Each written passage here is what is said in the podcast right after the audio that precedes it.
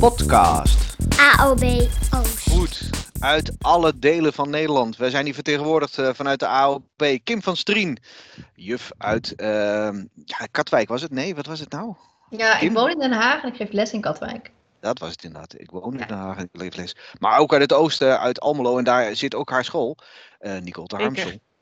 En ik vanuit het midden. Leuk dames dat we er weer zijn. Zeker weten. Ehm, dit zijn de weken eh, waarin je normaal eh, gaat aftellen en dat het bijna vakantie aan het worden is. Tenminste, zo beleef ik dat altijd. En zeker Ja, omdat ik in de regio Noord zit. hè, Dan nog een soort het toch van heel piekmomentje dan, hè? Nog even rapporten en nog een keer oude gesprekken en eh, alle groepsplannen afronden. Dat is eigenlijk nu, wat je nu aan het doen zou zijn. Dat zou je ja, normaal. precies. Ja. Ja. Echter, door de corona, ik gebruik even het woord shit, eh, is het niet anders Nou, nou. geworden. Ja, ik moet even kwijt hoor. Ik heb ook echt een dag dat ik, eh daar zal ik straks wat over gaan vertellen. Dat is Ik goed. gebruik wel weer eh, krachttermen vandaag, denk ik. Ehm, door het gedoe is, is, is er nu wel wat anders aan de hand. En betekent dat dat per 2 juni er het een en ander gaat gebeuren in het VO, per 8 juni in het PO. En eh, hoe dan ook, zo even vlak voor de vakantie moet eh, nou, de nieuwe werkelijkheid weer een nog nieuwere werkelijkheid gaan worden. Nou, laten we eerst even gaan kijken naar eh 2 juni, het VO. Want eh, nee, eh, online lesgeven kan niet meer, patoetjes ook niet. Nee, er moet hard aan de slag worden gebracht. Eh, kinderen weer op Ja, school. er hè? moet weer eh, wat gaan gebeuren inderdaad. Nou goed, nou zijn we natuurlijk de afgelopen weken onwijs druk bezig geweest met online lessen. En eh, ja, vanaf aankomende dinsdag moet er weer eh, op school dingen gaan gebeuren. Ik vind dat best wel spannend. En ik weet op eh, heel veel scholen zijn er nu allemaal wat plannetjes ontwikkeld. Maar wat ik wel overal hoor, is dat iedereen wel iets heeft van ja, het is wel spannend en het is wel moeizaam. Hè? We kunnen niet met de hele klassen naar school, want dat gaat gewoon niet. Dus op veel scholen hoor je of halve klassen of klassen die in drieën worden gesplitst, zodat je het in één lokaal kwijt kan.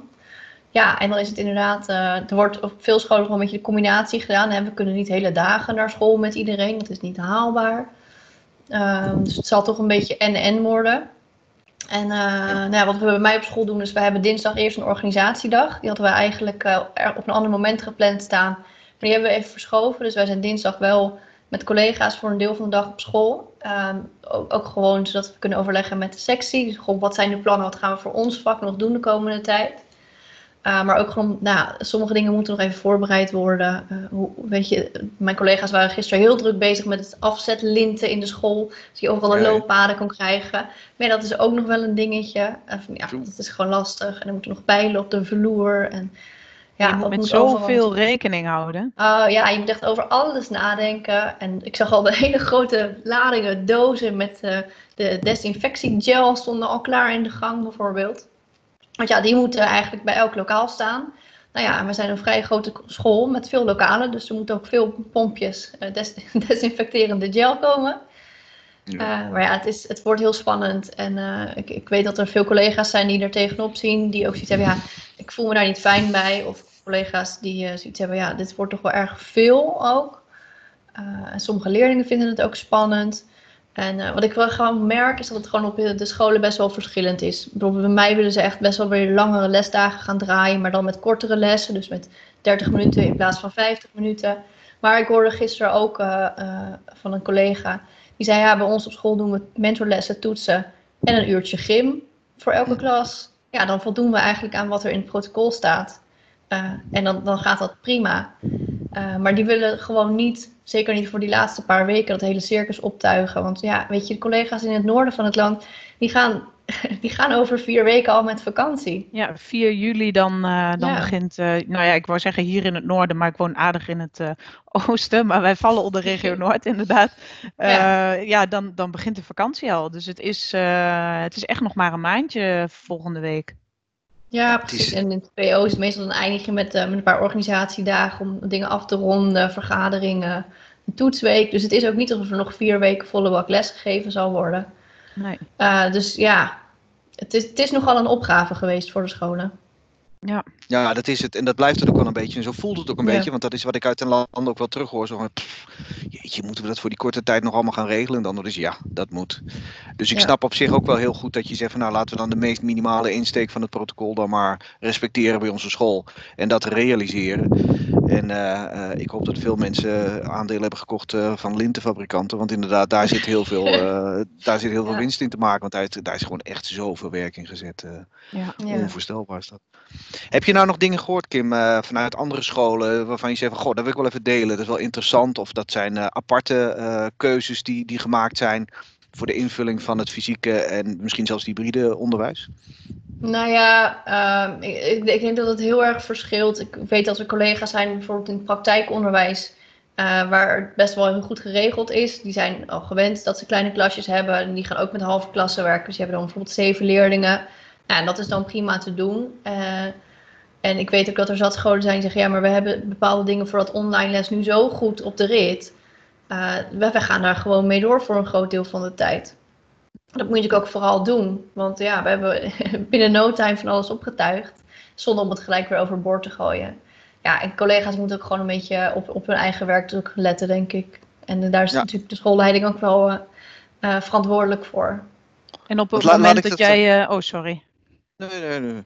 Zeg op het moment dat jij met zo'n halve klas uh, op school bent, wat, wat doet die andere helft dan? Hoe, hoe ziet dat ja, eruit? Ja, dat is wel interessant. Ik, uh, ze, ze willen gaan streamen. Dus dan moet ik de helft van de klas in een lokaal hebben. En dan moet de helft van de andere helft moet dus vanuit huis via een stream mijn les gaan volgen. Ik weet okay. eigenlijk nog niet precies hoe dat eruit gaat zien. Want dat stond als mededeling ergens. En toen dacht ik, ja, maar hoe dan? En toen dacht ik, ja, ik weet het niet. En uh, gisteren zei iemand van ja, maar dat is toch eigenlijk best wel gek. Want dat horen we dus van meer scholen.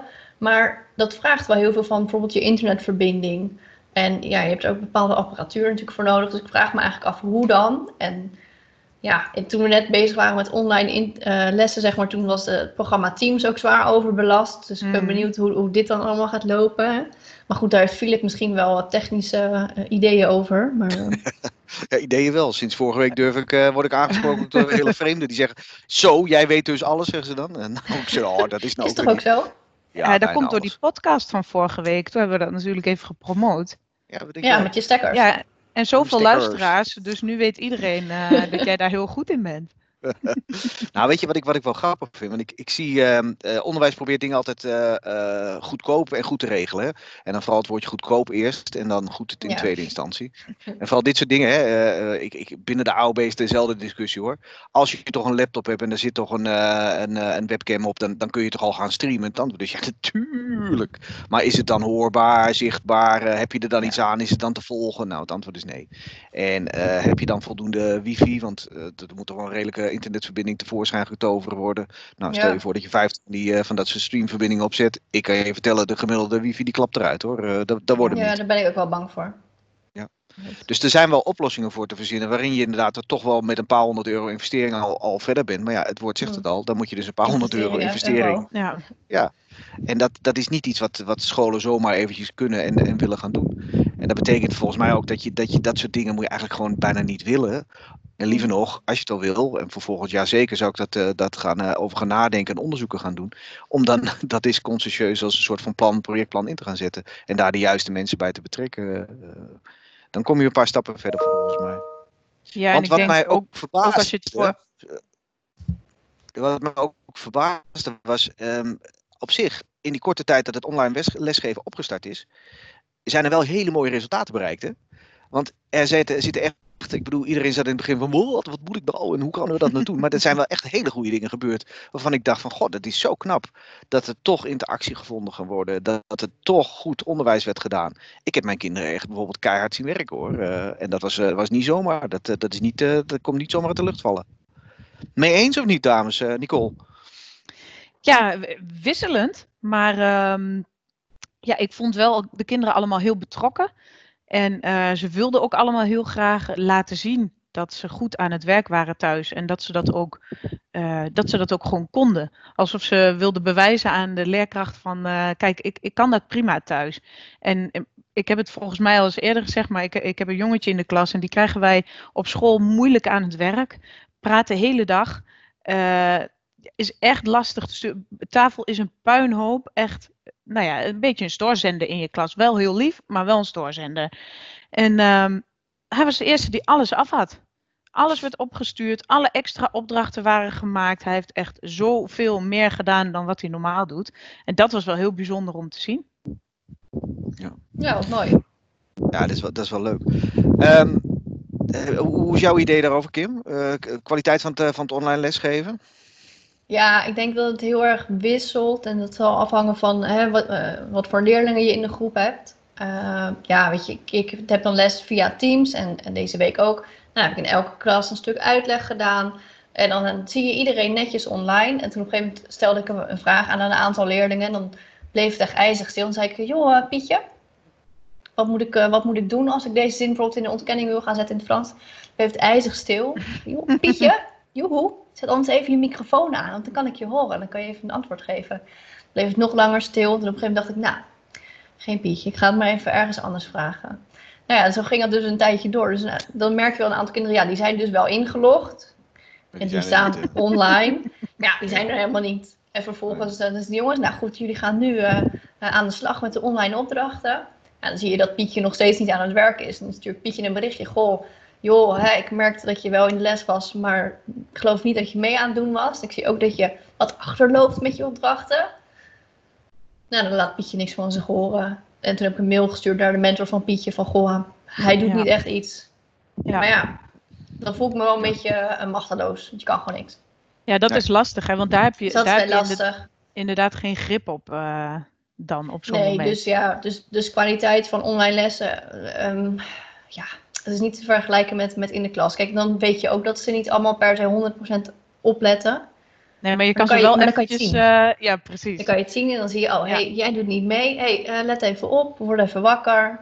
Ja. Eh, en dat, dat heb je nu gewoon niet en dat vind ik gewoon lastig.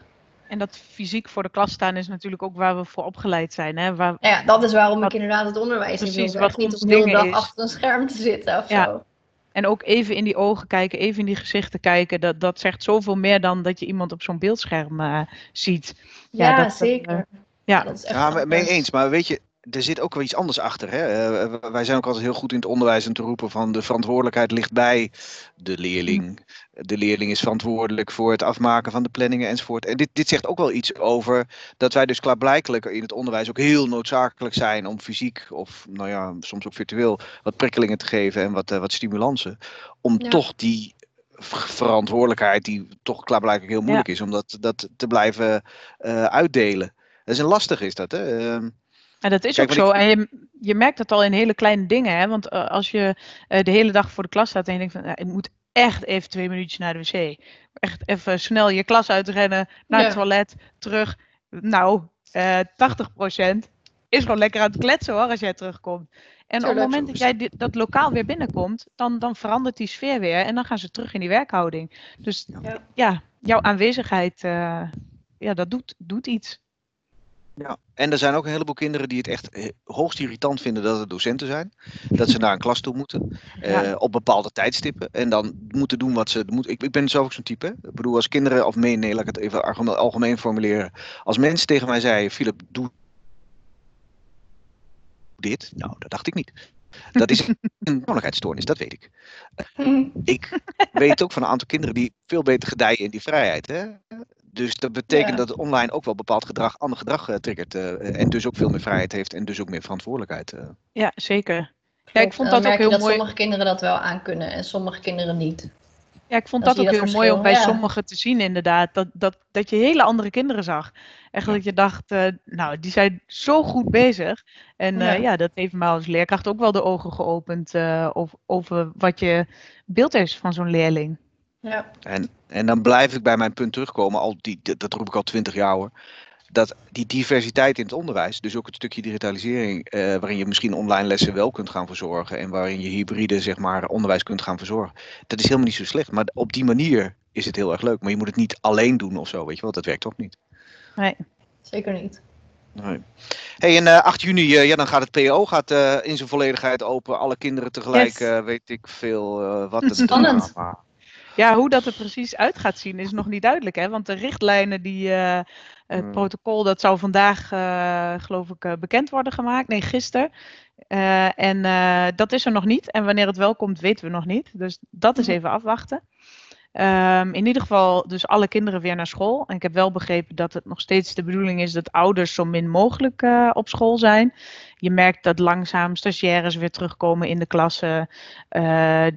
dat mensen van buitenaf met een bepaalde expertise ook weer langzaamaan welkom zijn binnen die school.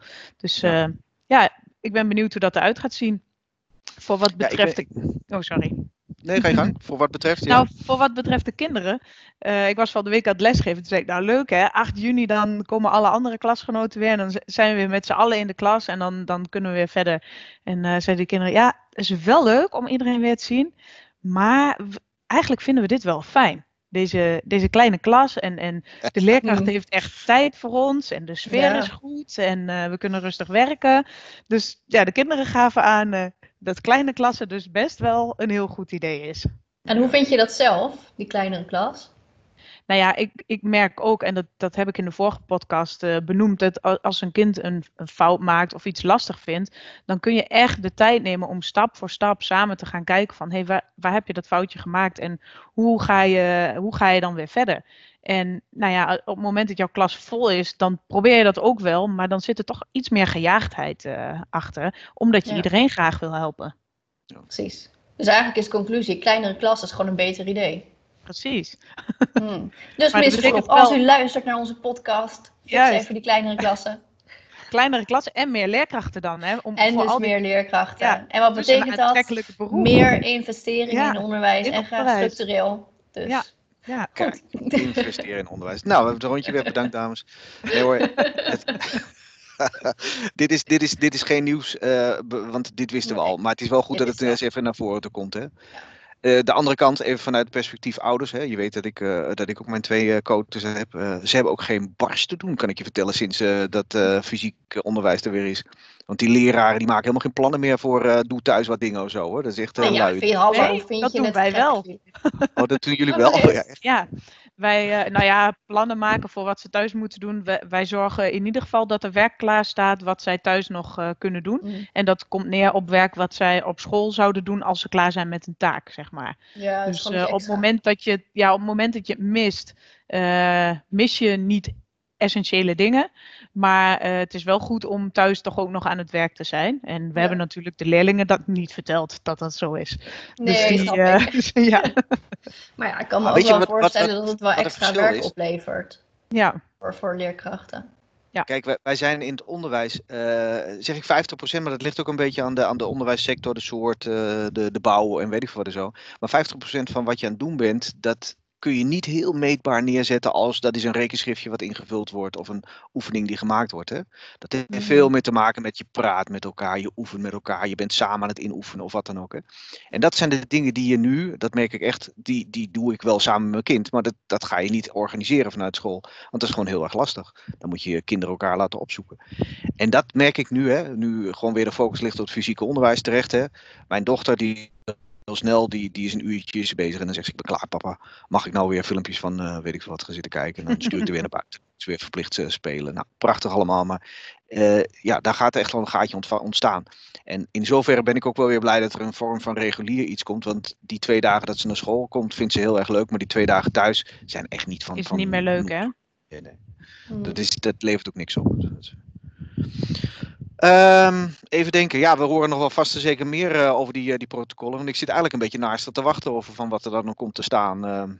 Ja. En vinden jullie het ook spannend? Ik vraag het maar gewoon, hè.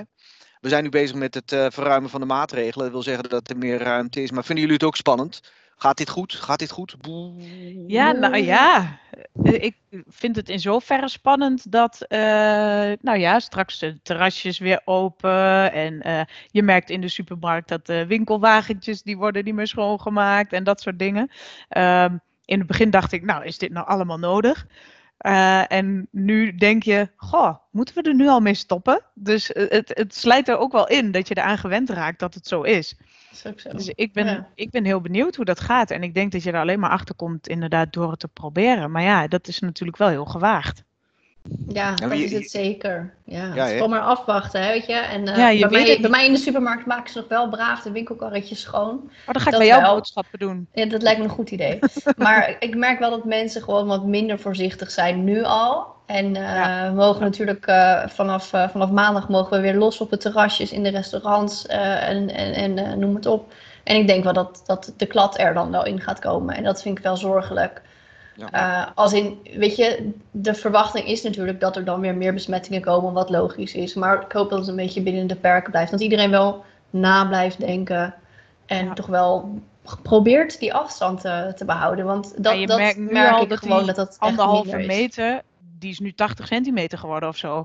Mensen gaan echt Ja. dicht bij je staan. Of even over je heen nog iets pakken. Of eh, dat ik dan, oh, ik wil helemaal niet angstig zijn of zo. Maar je denkt toch wel van, nou, moet dit nu? Kan je gewoon niet heel even 20 seconden wachten? Ja, precies. Ja, Ja, en, en ook alweer sociaal gezien. Hè? eh, het, eh, in het begin, toen moesten we, mochten geen handjes meer geven. Hè? En, eh, en toen werd het van die ellebogen, maar dat mocht ook al niet meer. En eh, ik, ik had laatst een situatie dat ik iemand tegenkwam, die steekt gewoon echt gewoon zijn klauw zo richting mij. Zo van, nou, we gaan even handen schudden. En ik zeg, eh, nee, dat doen we helemaal niet. Nee. En die kijkt me aan. Nou ja, dat kan toch wel weer? Ik zeg, Ja, nou, serieus?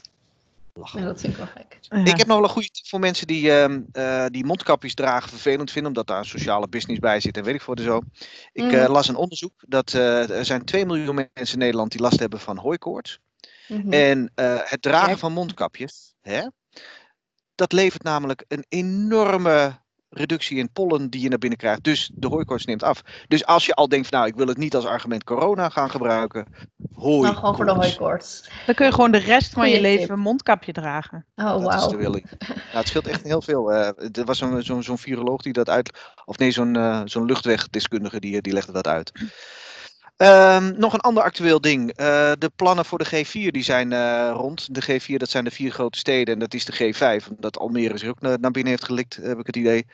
Ehm, dus ehm, zij mogen ook meedraaien in eh, het leraartekort en de plannen die daarbij zitten.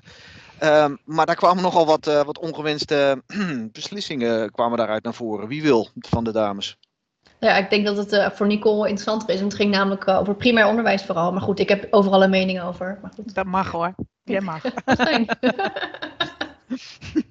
nee, ja, kijk, eh, ik vind het wel, wel zorgelijk wat er, wat er ineens naar, bui- naar buiten komt. Hè, dat we toe gaan laten dat er mensen zonder onderwijsbevoegdheid, zonder pedagogisch-didactische onderbouwing of onderlegging voor de klas gaan staan. Ja. En dat er wordt gezegd van nou, het is prima als er één dag per week ja, iemand voor de klas staat. Pluk hem ergens Ja. vandaan, het maakt niet uit en hij hoeft niet zoveel te kunnen. Eh, dat vind ik eh, punt 1 heel zorgelijk voor de kwaliteit van ons onderwijs, voor de kinderen in de klas, voor de veiligheid van de kinderen in de klas. Eh, maar ook wel voor de leerkrachten en de andere onderwijspersoneel. Want er wordt dan wel gezegd, ja, het kan prima iemand anders voor de klas, maar de leerkracht is nog wel verantwoordelijk. Eindverantwoordelijk. Ja, Ja, ja. En dat houdt dus in, dat is mooi, er staat iemand anders een dag voor de klas. Maar eigenlijk Maar je alles moet er wel zijn. Maar je moet er eigenlijk wel zijn. Ja, Dus wat is dan de meerwaarde? ja. En, en helemaal niet hè, mensen eh, met een bepaald vak of, of iets dergelijks. Die kunnen natuurlijk hartstikke leuk een keer een workshop geven op school. Of, of een keer een ochtend eh, iets doen. En, en die zullen dat ook, eh, ook hartstikke goed doen. Maar je zit natuurlijk wel met je doorgaande lijn. En ja. ja, kun je die waarborgen als jij één dag in de week mensen zonder bevoegdheid voor de klas zet? Ja. Ja. Ik vind het een hele lastige. Hè? En ik, uh, ik, ik verbaas me er echt over dat, uh, dat dit als oplossing uh, werd gevonden voor het grote stedenbeleid. voor, de, ja. voor de oplossing voor het leraartekort daar. En tegelijkertijd verbaast me ook helemaal niks. Want dit is natuurlijk de zogenaamd makkelijkste manier, zeg maar. Acht moet toch kunnen, weet je wel. Ja, maar ja, weet je. eh, het wordt dan nu als een soort oplossing voor het lerarentekort eh, weggezet. Maar ik zie eigenlijk juist het tegenovergestelde. Uh, want dat heeft uh, onze voorzitter Eugenie Stolk van de week ook gezegd. Het is gewoon een degradatie van het leraarschap. Ja, Weet je, we, we, hebben een vak, we hebben een beroep. Dat kan niet zomaar iedereen. Niet iedereen is daar geschikt voor. En nu mag random elke, uh, elke nou, iedereen mag maar voor de klas staan. Wat, wat betekent dat dan voor mijn beroep? Ik heb hier vier jaar ja. voor moeten studeren. Ja. Wat, wat zeg je ja. hierbij nou eigenlijk? Ja, dat als je een leuk verhaaltje kunt vertellen, dat je dus blijkbaar uh, voor de klas mag gaan staan. Maar ja. ja, ik denk dat mensen vergeten dat het toch echt wel veel meer is dan alleen maar een leuk verhaaltje vertellen. Zeker. Ja. Ik, ik ken vanuit, uh, ik heb VMBO veel les gegeven en ik ken ook veel van die, uh, van die MBO's, want daar kwamen we vaak met leerlingen op mini-stages. Mm. En daar is het woord instructeur is, uh, is volledig ingeburgerd. Hè? Dat zijn mensen ja. die best les kunnen geven hoor, dat, dat zeg ik even vooropgesteld, maar dat zijn geen bevoegde docenten. En die doen wel precies hetzelfde werk. Dat is ook zo ja. opvallend. Met andere woorden, ze moeten absoluut geen schaal 11, schaal 9 is het max wat, wat eruit komt. Maar ze moeten allemaal dezelfde dingen doen en ze staan officieel nog onder auspicie van. Maar ja, dat zijn mensen die zijn al twintig jaar bij wijze van spreken instructeur instructeur, die, die kent het klappen van de zweep wel. Ehm, ik vind dat een perverse prikkel om te gaan stimuleren dat mensen ook helemaal geen opleidingen meer hoeven te doen, eh, maar gewoon voor de klas gezet kunnen gaan worden. Ja, ik is maak het me er ook. wel ernstig zorgen over. Ja. Ja. Dan kom je eigenlijk ik weer ook. uit bij de meest perverse prikkel in onderwijs, want het is geld. Ja. Ik bedoel, ja, laten we Ja. wel wezen. eh, onderwijs mag eigenlijk niet om geld draaien, maar dat draait het wel steeds meer. Ja. En inderdaad, zo'n instructeur op een MBO is natuurlijk goedkoper dan een bevoegd docent met een HBO-diploma. En dan kan ik het toch niet nalaten om even de positieve verhalen ook te vertellen. Ja, Want ik ken ook eh, van, die, eh, van die echte vakkrachten. Die moet je ook nooit van hun leven een diploma laten halen op het gebied van HBO. Want dat zullen ze ook niet redden. Dat is ook hun ding niet. dat, daarbij die, die, die, die, nou ja, dat houden ze gewoon niet vol. Vinden ze niks. Maar ze zijn geweldig in hun vak. En dan met die jongens hè, in het VMBO. Die kunnen af en toe eh, een manier van aanspreken kunnen zij hebben. Waarin eh, wij linkse rakkers eh, die het onderwijs zijn ingegaan. Wij kunnen daar een puntje aan zuigen. Want zij krijgen dingen voor elkaar en zeggen, moet je gewoon doen. En dan, weet je wel, die kinderen. Nou, geweldig vind ik dat. ja. En ik overdrijf een beetje, want dat soort types vind ik altijd wel heel erg leuk. En ik zou ook willen dat er veel meer van dat soort mensen in het onderwijs eh, terecht zouden komen. Eh, alleen door ons eh, bevoegdhedenstelsel maak je het voor hen heel erg onge- ongemakkelijk. Dat, dat kan bijna niet. En daar zou ik ook wel graag een oplossing voor willen hoor. Zo van als je dan uitzonderingen hebt, dat soort types. Graag Ja. zelfs. Ja. Goed. Ehm, er zat nog even een ander dingetje bij, moest ik even aan denken. Je hebt die 10, 14 scholen, hè? Die heb je tegenwoordig. En toen kwam ik tegen, nou, ik vond het echt belachelijk, het, de term teambevoegdheid. Ik herhaal het. ja. Teambevoegdheid. Oh, de het is rillingen wel- lopen gelijk over mijn rug. mooi woord. Mooi woord, hè? Maar Kim, wat houdt dat in? Maar wat Vertel. is de inhoud? Ja.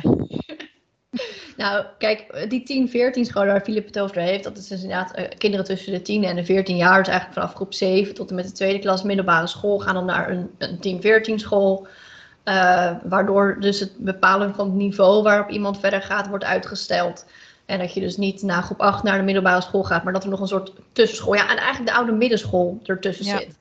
Ja. En ehm, nou ja, er zijn eh, voordelen aan, eh, er zijn er vast ook nadelen aan. Maar een van de problemen is dat je te maken hebt met twee bevoegdheden en ook twee cao's trouwens. Maar dat laten we even achterwege, anders wordt het heel erg ingewikkeld. Want je hebt natuurlijk gewoon de mensen van, eh, met een PABO-diploma die voor groep 7 en 8 bevoegd zijn. En je hebt mensen met een, lerarenopleiding die dan voor klas 1 en 2 geschikt zijn. En dat is in zo'n team is dat best wel lastig. Dus nou hadden ze bedacht dat we een mooie teambevoegdheid doen. Eh, en dat houdt eigenlijk in dat eh, als je in, binnen je team één docent Nederlands hebt bijvoorbeeld, dat iedereen Nederlands mag geven. Want er is een bevoegd docent Nederlands aanwezig. En ehm, die teambevoegdheid eh, wordt ook ingezet op andere scholen. Bijvoorbeeld op VMBO's mag die ook worden ingezet. En dat, dan vind ik het wel een hele andere situatie dan op zo'n 10-14 school. Want dan mag het dus bijvoorbeeld zo zijn dat als ik op een, een VMBO-school werk of op een VMBO-afdeling, dat wij één collega hebben met een bevoegdheid wiskunde en dat iedereen dan wiskunde mag geven. Maar ja, laten we wel wezen, ik, ik geef Frans, ik kan gewoon geen wiskunde. Maar dan zou ik dus wel wiskunde mogen geven. En dan ben ik best wel de bevoegde docent, maar Mhm. niet op het vak van wiskunde. Maar ook dit gaat, zegt dan weer wat over de kwaliteit van dat onderwijs. Ja. En over waardering van, van het beroep leraar. En over degradatie van het beroep leraar. Ja. Klopt, dus ik vind, eh, eh, eh, ja, ik vind dat een hele zorgelijke ontwikkeling. En Mee eens. ja, ja. ook weer een soort van goedkope oplossing, want het is geen oplossing voor het lerarentekort. Want dan Ja, kan je is- iedereen makkelijk inzetten op heel veel verschillende vlakken. Ja, in het onderwijs heb je, heb je een heel duidelijk verschil tussen bevoegdheden en bekwaamheden. Hè? Eh, Ja. een, een, een werkgever mag jou bekwaam achten. Jij mag jezelf ook bekwaam achten en dat kun je dan ook eh, doen. Dus het feit dat jij bijvoorbeeld nu lerares Frans bent en wel wiskunde in de onderbouw kan geven, kan best zijn dat je daar bekwaam toe bent. Dat is, dat is het probleem helemaal niet. Maar bevoegd ben je er niet voor. Nee, En dit is een soort vrijbrief. En dat, dat vind ik het meest enge. Dat als je eenmaal Ja. zo'n dispensatie hebt aangevraagd, zo'n teambevoegdheid, dat je dan zegt van ja, maar dan, dan, dan zijn we mag allemaal iedereen bekwaam. inzetten. Iedereen Ja. kan het gewoon. Ja, dat vind ieder- ik, vind ik ja. altijd zo eng, hè? Ja, Ja, dus ja, als het drukt, dat dan voor de kan iedereen kwaliteit? het ook. Ja, Nou, Precies, maar aan de andere kant betekent het wel dat bijvoorbeeld de collega wiskunde verantwoordelijk is of eindverantwoordelijk is voor iedereen die dan een wiskundelesje doet. Ja, precies. En dat vind ik eigenlijk ook een beetje Dat vreemd. is een beetje vreemd, ja. Ja. Dus nee, daar word ik niet zo gelukkig van. ja.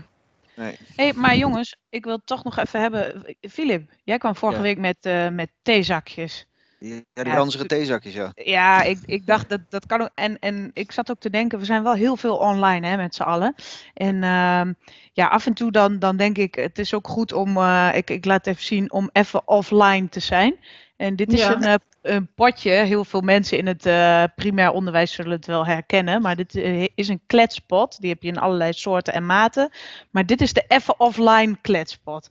En in het kader van elkaar vragen stellen, dacht ik, eh, ik ga even wat eh, grabbelen uit Uit de, uit pot. En dan, halen. ja, en dan eh, wil ik graag jullie antwoord. En we beginnen Oh met jee, een eh, oh jee. dilemma. Oh jee. Ja, het is een heel heftig dilemma, want let op, plakjeskaas of blokjeskaas? Oeh. Oeh. Jij reageert het eerst, dus jij moet antwoord geven, Kim. Ik Ja, ik, ben namelijk echt, ik ben namelijk echt gek op kaas. Ik vind kaas echt zo lekker. Ehm, ja, maar als ik moet kiezen tussen het een of het ander. Ja, kijk, plakjes kaas zijn natuurlijk gewoon chill. Voor op je boterham, je broodje, je cracker. En blokjes kaas natuurlijk voor bij de borrel. Maar als het, zeg maar, de wereld ervan af zou hangen dat ik een keuze maak. Doe dan maar plakjes, want die kan je ook los bij de borrel eten. dus tot zover. tot zover, mevrouw Van Strien. Die gaat voor plakjeskaas. Kijken waar onze volgende deelnemer voor gaat. De heer Abbing. Ik ga voor de voor, voor een nieuwe vraag. Kan dat? Nee. Nee, dit dilemma moet echt beantwoord worden. Ik, ik heb hier helemaal geen mening over. Het is echt gewoon, ik vind het Niet, prachtig. Ik heb altijd Ja. ruzie bij ons thuis over eh, of ik blauwschimmelkaas mag gebruiken, want dat stinkt en zo, weet je wel. Dat, dat soort Oh ja. dingen. Dus ik Ja. heb helemaal plakjes en blokjes. Ja. Je Nee, zou ja, maar niet van als ik kaas zelf iets mag zeggen over kaas, ik lust dus Nou. morgens geen kaas op brood. Ah. Maar ik lust s'avonds wel heel graag blokjes kaas bij de borrel, die ik dan lekker in zo'n mosterd dille sausje kan dippen. Ja, ja, ja. En dan, eh, ja, dat vind ik heerlijk. Maar ik heb maar- er nog wel eentje hoor, voor jullie. Jawel, dus, maar ik ga even eh, nog even in op die borrels, want dames, Oké. dames, Ja. ik ken je Nee. nou al negen keer, maar ik merk toch wel heel sterk dat de behoefte aan borrels aanwezig is. Klopt dat? Oh, goed, de volgende ja, vraag. wij, wij ontkennen dit natuurlijk eh, enorm. Eh, ja, ik heb, eh, ik heb wel een paar leuke hoor. Eh, I want it all and I want it now. Ben jij gevoelig voor impuls aankopen? Ja, echt heel erg. Sowieso. Altijd als ik heb bedacht dat ik iets wil hebben, dan wil ik het gewoon gelijk hebben. Dus laatst, toen vroeg ik, zei ik tegen Filip, joh, ik wil eigenlijk zo'n zo'n microfoon, want dat klinkt dan beter bij de podcast. Toen zei Filip, nou, dan moet je deze hebben, want deze is echt heel goed. Toen dacht ik, oh leuk. Toen zei ik, ja, is wel duur. Nou, ik ga even kijken hoor. En de dag daarna stuurde Filip een berichtje. Kim, anders koop je deze, die is goedkoper. Toen zei ik, ja maar Filip, Ja, ik, heb hem eigenlijk al binnen. Zo werkt dat. hè, Zo ja. gaat dat dan. Echt, hè? Ja, precies. Ja. En jij, Filip? Ik ben, ik ben niet van de, van, de, eh, van de aankopen, maar ik weet dat het wel zo van ik ga heel lang zoeken. En dan, eh, dan weet ik precies wat ik heb. Maar dan kan ik ook heel snel beslissen. Hè? Dus dan weet ik gewoon van dit zijn de prijzen, zo kun je dat doen. En eh, dan kan ik echt in, in 0,2 seconden of zo heb ik dan de beslissing genomen om een bedrag van, eh, van 800 euro uit te geven. Zo, weet je wel. Dat mensen ook zeggen, hoe kan dat? Weet je wel. Maar dan heb ik, dat plan zit dan volledig in mijn hoofd. Dat Maar ik jij het hebt al wel eerst verdiept en eh, ja, precies. Ja. Ja. En jij, Nicole? Ja, ja, zeker ben ik gevoelig voor impuls aankopen. En dan, eh, ja, ja, zijn het dingen die ik nodig heb? Nee. Is het leuk? Ja. wil ik Nou wel ja. hebben? Ja. Ja. Ik heb dat vooral met jurkjes. Ik wou zeggen jurkjes, die wou ik het even, even ja, aanstellen. Ja, sorry. Yep. Elke keer Ja. dan sta ik in de winkel en denk ik, hij is wel leuk. Ja, maar je hebt al zoveel jurkjes. Dan denk ik, ja nou en? Wil ik het hebben? Ja. Ja. Oké, koop het. Ik heb dus extreem veel jasjes en colbertjes. Ja. Eh, ik heb altijd dezelfde aan, maar altijd, eh, ja, ze, moeten, ja, niet altijd dezelfde. Ik, ik bedoel, er wordt wel eens wat gewassen en, en eh, ja, precies, voordat we dat weer krijgen. maar inderdaad, daar ben ik heel gevoelig voor, dus dat sla ik het liefst over, want anders is de kans groot dat ik ermee thuis kom. Ja. En dan wil ik eigenlijk wel even afsluiten met eentje die ik wel vind passen bij iedereen die toch in het onderwijs eh, werkt. Want eh, nou, we lopen altijd allemaal eh, ontzettend hard ons best te doen. En soms, eh, nou ja, nee, dan ga ik ook allemaal die introductie niet doen, want dan geef ik misschien al een beetje antwoord op de vraag. Maar eh, hè, zou jij eh, wat beter moeten zorgen voor jouw gezondheid? ja, sowieso. Ja. Vind altijd andere dingen altijd belangrijker. Ja, Ik heb in deze tijden ook hoor. Weet je, mensen zeggen altijd, je moet ontbijten, Kim. Ontbijt is de belangrijkste maaltijd van de dag. nou, bij ons begint de les om half negen. En dan denk ik om tien uur, als het pauze is, nou, laat ik maar eens gaan ontbijten of zo. Ja, en weet je, mensen zeggen, Kim, neem je rust. Maar dat kan ik gewoon niet. Dus dan ga ik altijd maar door. En, nou ja. Dus voor mijn eigen gezondheid zorgen, dat, eh, zou ik wel beter moeten doen. Maar goed. Ja. Ja, en jij, eh, Nicole? Ik eh, vind het vooral heel belangrijk dat alles eh, goed geregeld is voor alles en iedereen. En dat geldt eh, op mijn werk en voor de leerlingen en voor mijn collega's en voor mijn man en voor mijn familie en voor mijn vrienden. En, nou, en dan ga je nog En ontbreekt één persoon. Precies, en dan aan het einde denk ik, oh, ik ben zo moe en bah, wat ben ik vergeten? Oh ja, mezelf. Nou, Ja. dat, eh, dus dat stukje rust nemen, aan jezelf denken, dat, eh, ja, dat eh, mag nog wel ietsje beter. Typisch vrouwendingetje. Denk, Denk je? je? Denk je. Oh ja, dat is ook weer zo'n typische vrouwenopmerking. Vind Nou, je? je toch met Vind je? Ja. Vind je dat echt, Filip? ja. Nee, dat is echt... eh, ik had jullie verteld dat ik ook... Ik heb ook relatietherapie gegeven en zo, hè? Toch? Echt? Heb ik jullie dat verteld? Ja. Nee. Nee. Ik, was, nee, ik, wa, ik was in de, in de jaren ta- 90 op zoek naar een baan en eh, toen zijn, eh, ik kon niks vinden, want er was echt gewoon niks te, te zoeken, niks te vinden zeg maar, op het gebied van onderwijs. En toen zei eh, een bekende van mij, die zei van ja, ik heb een succesvol relatiebemiddelingsbureau, of nee, relatie counselingbureau en ik, eh, Mhm. ik, ben, ik ben op zoek naar iemand die daar ook wat in kan doen. En ik heb omgangskunde gestudeerd, dus ik had zoiets ah, dat doe ik wel. Maar dan sta je als 22 jaar, sta je een beetje dan eh, koppeltjes van een jaartje 40, 50 eh, te counselen. Dat, dat, daar zit iets heel raars zit daarin. Maar een van de dingen is dat, dat eh, het is gewoon waar. Mannen komen van Mars en vrouwen komen van Venus. En er zitten zoveel wetmatigheden in die allemaal uniek zijn, hè, voor alle duidelijkheid. Want ik, ik ga niks Mm. over één kam scheren, maar ja, eh, vrouwen letten heel slecht op zichzelf. Ja, ga- ik ga het niet doen ook. Nee. Nee. maar eh, lukt het jou wel, Filip? Om voor mezelf te zorgen. Ja. Ja. Nou, dat, dat laat ze wel. Met mijn gezond. Weet je wat ik nadeel vind van oud worden? Eh, vroeger, toen ik eh 20 of 25 of 30 of zo was. En eh, is ik 30 eh, ook vol- al vroeger voor jou? Ja, was ook al heel vroeger was dat hoor. Dit is dus het nou, nadeel ja. van oud worden. Echt, hè? Vroeger. Echt vroeger. Dat, alleen dat al, ja.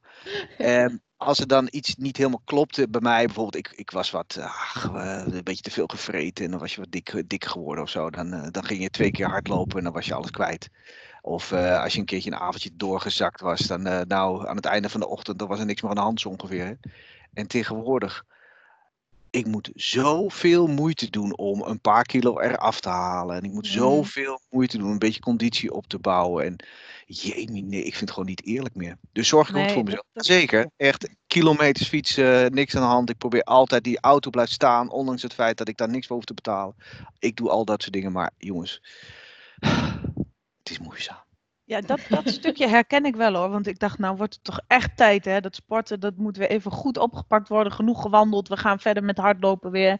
En eh, nou, twee keer in de week hardlopen. En een soort eh bootcamp-achtig programma volgen via de sportschool. Buiten sinds dat weer mag. Ja. En druk en zweten en honger.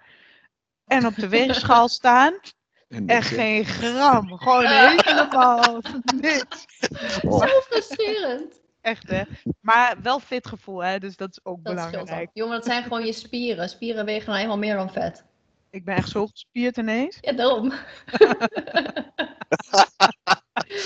Goed, we gaan afsluiten. Volgende keer gaan we het hebben over de vakantieplannen 2020. Gaan we naar het buitenland of gaan we dat niet? Oeh, we het ja. risico of gaan we dat niet doen? We gaan het allemaal horen volgende week. Dames, dankjewel. Tot Zeker. de volgende keer. En vergeet niet even te liken. deze video. Liken en abonneren. En dan eh, abonneren is ook leuk. Tot de volgende keer. Doei!